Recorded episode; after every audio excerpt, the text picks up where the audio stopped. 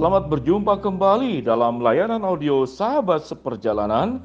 Hari ini adalah hari Selasa 22 Desember 2020. Tema renungan dan saat teduh kita hari ini Allah di pihak kita atau lebih dari pemenang. Allah di pihak kita atau lebih dari pemenang. Firman Tuhan terambil dalam Roma pasal 8 ayat yang ke-31 demikian bunyi firman Allah.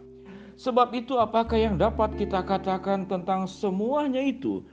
Jika Allah di pihak kita, siapakah yang akan melawan kita? Jika Allah di pihak kita, siapakah yang dapat melawan kita? Mari kita berdoa. Bapa yang di dalam surga terima kasih kami memiliki Allah yang luar biasa, Allah yang maha kuasa, Allah yang maha ada, Allah yang maha mampu, Allah yang maha kasih, dan Allah yang maha melindungi dan memelihara kami semua. Begitu lengkap Tuhan sediakan janji-janji pertolonganmu kepada hidup kami. Di dalam nama Tuhan Yesus kami berdoa. Amin.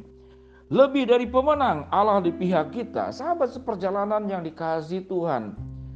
Boleh kita berpikir bagaimana peristiwa yang pernah terjadi dan kita alami bahwa kita begitu disudutkan, disalahpahami, ditekan dan bahkan boleh dikatakan harga diri pun sudah sudah sudah tidak ada lagi karena diperlakukan begitu rendah. Atau kemudian kita dihianati, dimanfaatkan, ditipu dan kemudian dirugikan dalam kehidupan ini. Dan kemudian kita berteriak tidak adil kehidupan ini, tidak adil kehidupan ini. Lalu kita menyalahkan Tuhan.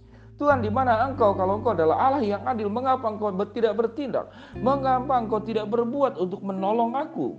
Sahabat seperjalanan yang dikasihi Tuhan. Firman Tuhan berkata dalam Roma 8 ayat yang ke-31 sebab itukah sebab itu apakah yang akan kita katakan tentang semuanya itu? Jika Allah di pihak kita siapakah yang akan melawan kita? Sahabat seperjalanan yang dikasih Tuhan yang pertama mari kita belajar tentang waktu Waktunya Tuhan di dalam mendidik setiap manusia termasuk kita siapa pun juga. Allah punya waktu, Allah punya rencana dan Allah punya cara.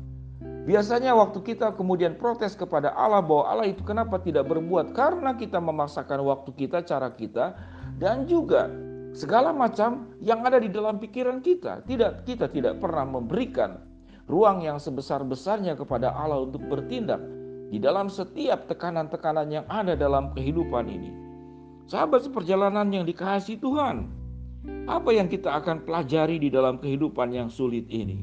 Mungkin dalam bisnis engkau dirugikan, mungkin pada waktu engkau di dalam rumah tangga engkau adalah orang yang disalahpahami.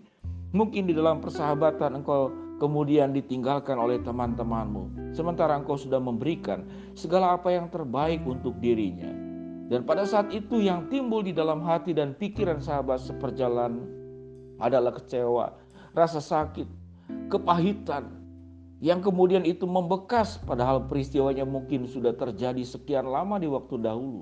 Bahkan peristiwa yang 10 tahun lalu, 20 tahun lalu, 30 tahun lalu. Engkau ingat-ingat. Dan itu membuat engkau kehilangan sukacita.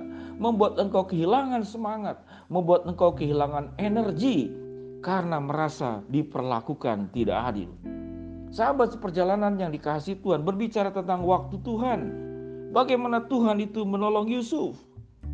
Yusuf kemudian pada akhirnya dipenjara, diperlakukan tidak adil di dalam satu jangka waktu yang cukup lama. Doa kita pada saat kita diperlakukan tidak adil, ditekan dan segala macam. Hari ini ditekan, kalau bisa besok ada pembelaan. Kalau bisa, hari ini ditekan dalam waktu yang cepat kemudian pembelaan Allah itu terjadi. Sahabat seperjalanan di dalam peristiwa-peristiwa yang sulit dalam kehidupan ini, Allah memberikan kepada pelajaran kepada kita dan juga pelajaran kepada orang yang menekan kita. Kita pasti dibela Tuhan. Pelajaran kita adalah bagaimana untuk merenung. Terkadang hal-hal yang tidak baik terjadi dalam kehidupan kita tidak selalu juga itu adalah karena untuk tujuan yang tidak Tuhan itu mengizinkan orang berbuat yang tidak baik kepadamu. Namun Tuhan mengizinkan bahwa engkau sedang berproses menjadi pribadi yang dewasa. Engkau sedang berproses bagaimana mengandalkan Allah atau di dalam peristiwa yang kita tidak sukai terjadi itu ada peringatan-peringatan Allah untuk kesalahan-kesalahan yang pernah kita buat di dalam kehidupan ini.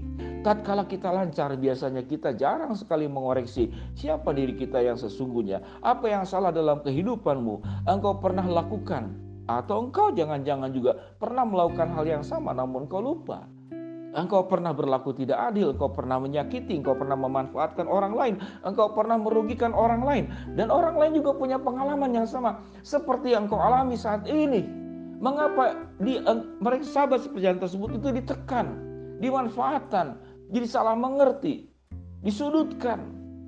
Engkau tidak pernah paham perasaan orang lain karena engkau pelakunya dan orang tersebut yang merasakannya. Bukankah sifat manusia seperti demikian?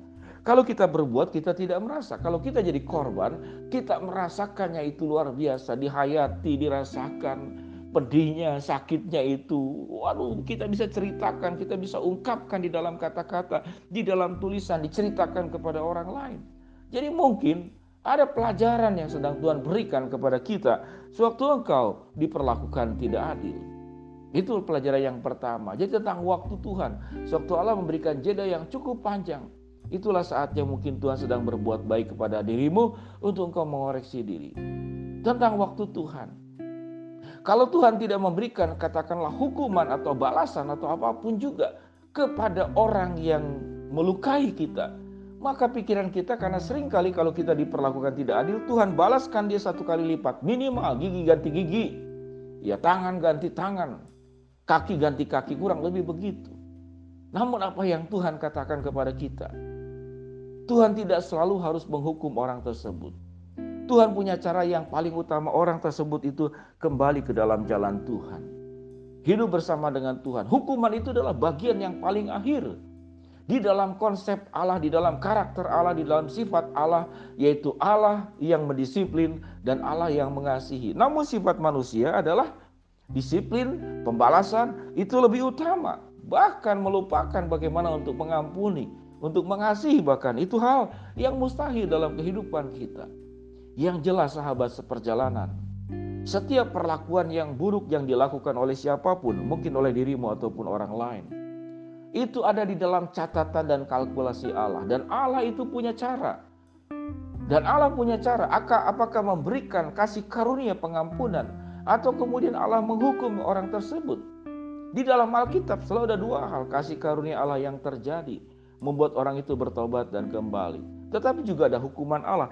Dan itu adalah hak prerogatif Tuhan tentang bagaimana Allah itu menghukum setiap orang. Atau Allah itu mengasihi agar yang tujuan utama baik menghukum maupun mengasihi orang itu kembali ke dalam jalan Tuhan. Sebagaimana bangsa Israel banyak berbuat hal yang keliru. Tentu harapan Allah adalah mereka bertobat, mereka berubah dan kembali menyembah Allah, kembali mengikut Tuhan. Sahabat seperjalanan yang dikasih Tuhan. Lebih dari pemenang Allah di pihak kita. Apa pelajaran yang kita akan ambil pada saat ini? Pelajarannya, waktu engkau diperlakukan tidak adil, Tuhan itu tidak menutup mata. Tuhan akan membelamu, Tuhan akan menolongmu, Tuhan akan melindungimu, Tuhan akan menjagamu, Tuhan akan menjaminmu, Tuhan akan memeliharamu. Namun juga terkadang itu terjadi untuk kita belajar. Jangan-jangan ada hal yang kita perlu perbaiki. Jangan-jangan juga kita berbuat hal yang sama kepada orang lain. Sahabat seperjalanan yang dikasih Tuhan. Biarlah kita menyerahkan ketidakadilan yang pernah kita alami. Itu kepada Allah, hakim di atas segala hakim, raja di atas segala raja. Yang mengetahui segala perkara dan Tuhan akan bertindak di dalam keadilan, di dalam kasihnya, dan juga di dalam hukumannya. Sahabat seperjalanan yang dikasih Tuhan, yang pasti kalau engkau bersandar kepada Allah, Tuhan akan menjadikanmu lebih daripada pemenang. Bukan dengan membalas. Namun engkau menang untuk tetap hidup bersandar kepada Allah. Tetap memiliki sukacita. Tetap bersyukur di dalam ketidakadilan yang engkau terima. Mari kita berdoa. Bapak yang di dalam surga hambamu berdoa buat sahabat seperjalanan yang sedang sakit di rumah sakit maupun di rumah. Tuhan jamah, Tuhan sembuhkan.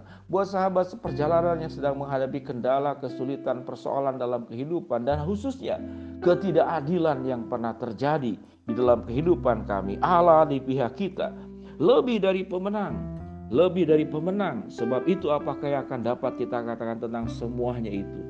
Jika Allah di pihak kita, siapakah yang akan dapat melawan kita? Hambamu berdoa buat sahabat seperjalanan yang sedang memohon berdoa mengharapkan sesuatu. Tuhan akan kabulkan sesuai dengan waktu dan rencana Tuhan. Dalam nama Tuhan Yesus kami berdoa. Shalom sahabat seperjalanan tetap kuat di dalam Tuhan. Ingatlah Allah di pihak kita sewaktu kita hidup dalam kebenaran. Amin.